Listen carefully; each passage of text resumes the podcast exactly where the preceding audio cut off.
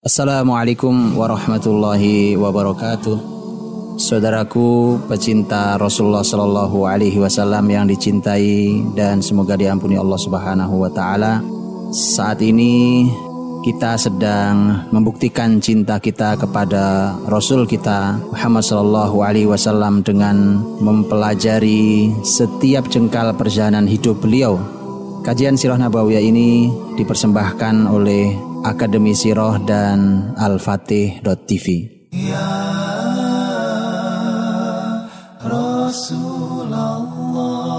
Alhamdulillah. Wassalatu wassalamu ala Rasulillah.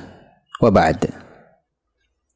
Dalam kitab Syiar A'lamin Nubala karya Imam Ad-Dhahabi rahimahullah taala di biografi Ubadah bin As-Samit radhiyallahu anhu Ad-Dhahabi menuturkan tentang biografi Ubadah yang sungguh sangat luar biasa.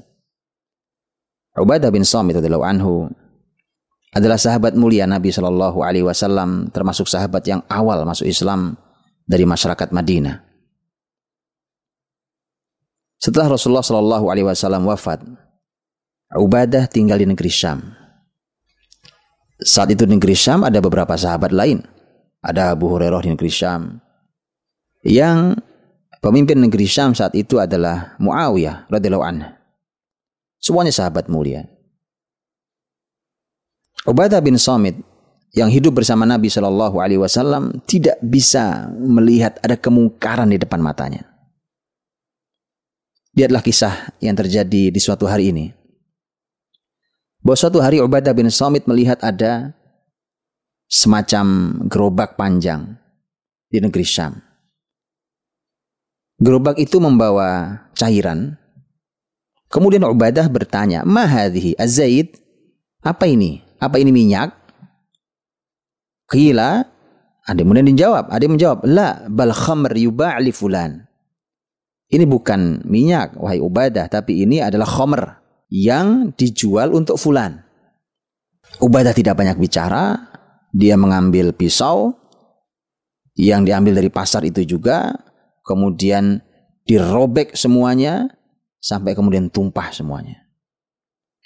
Saat Abu Hurairah ada di negeri Syam saat itu kemudian eh, Abu Hurairah mendapatkan aduan karena ini sama-sama sahabat Nabi Shallallahu Alaihi Wasallam mendapat aduan tentang Ubadah bin Samit radhiyallahu anhu.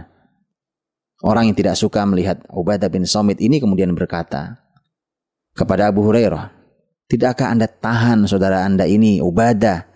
Dia kalau pagi hari pergi ke pasar kemudian merusak barang dagangan orang-orang ahlu dhimma. Ahlu dhimma adalah orang-orang kafir yang tinggal di negeri muslim.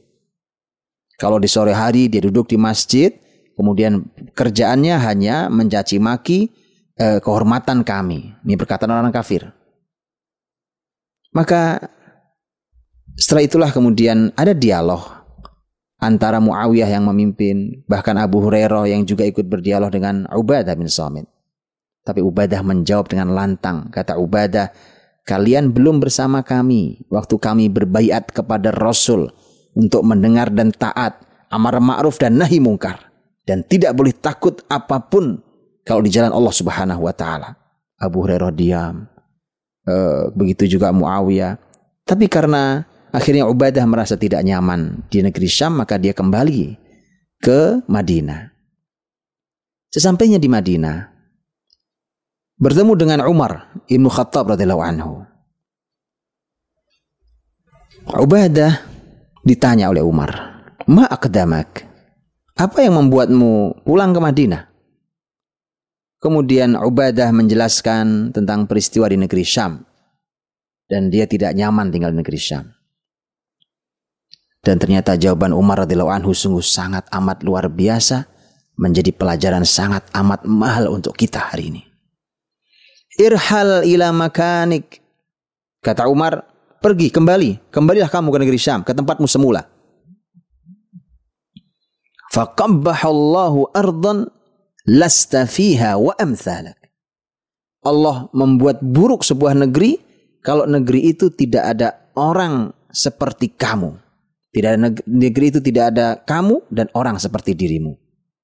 Fala imratalahu alaik. Adapun Muawiyah nanti aku yang mengurusnya. Artinya Muawiyah tidak punya kekuasaan padamu. Ini sebagaimana disampaikan di dalam Tarikh Dimashq karya Ibnu Asakir. Ini memang ada bab sendiri tentang nahi mungkar. Ketika ada kemungkaran bagaimana caranya untuk mencegah kemungkaran. Dan Ubadah bin Somit adalah sahabat Nabi SAW yang memiliki ilmu, tahu bagaimana nahi mungkar. Sekali lagi ini ada fikihnya, tapi biarkan kita mengambil pelajarannya. Bahwa ternyata keberadaan orang soleh walau dia hanya satu orang seperti Ubadah bin Samit yang peduli dan tidak ridho bumi Allah di mana dia tinggal ada kemungkaran, ada dosa yang dibiarkan terbuka, yang dibiarkan terjadi tanpa ada yang mengingatkan. Orang seperti itu adalah orang yang harus kita ucapkan terima kasih padanya. Karena dengan keberadaan itulah, dengan keberadaannya itu, maka negeri kita dijaga Allah Subhanahu wa taala. Maka penting keberadaan orang-orang yang seperti itu di negeri kita. Orang-orang yang mau nahi mungkar, peduli pada kemungkaran. Dan inilah yang katakan Umar, buruk sebuah negeri kalau tidak ada kamu atau orang sepertimu. Maka penting keberadaan orang-orang seperti ini penting kita tinggal di sebuah masyarakat di mana ada orang-orang yang seperti ini dan ini adalah orang mahal. Kalau bukan orang lain, mengapa bukan kita? Yang peduli dengan sekeliling kita, tidak ridho dengan kemungkaran yang terjadi di depan mata kita, dan kita ubah sesuai dengan aturan yang telah ditetapkan oleh Rasulullah SAW, maka ambil berkahnya. Semoga Allah Subhanahu wa taala berkahi kita semua. Wallahu taala alam bisawab. Untuk informasi yang lebih mendalam seputar Sirah Nabawiyah, silahkan kunjungi www.akademisirah.com. Ya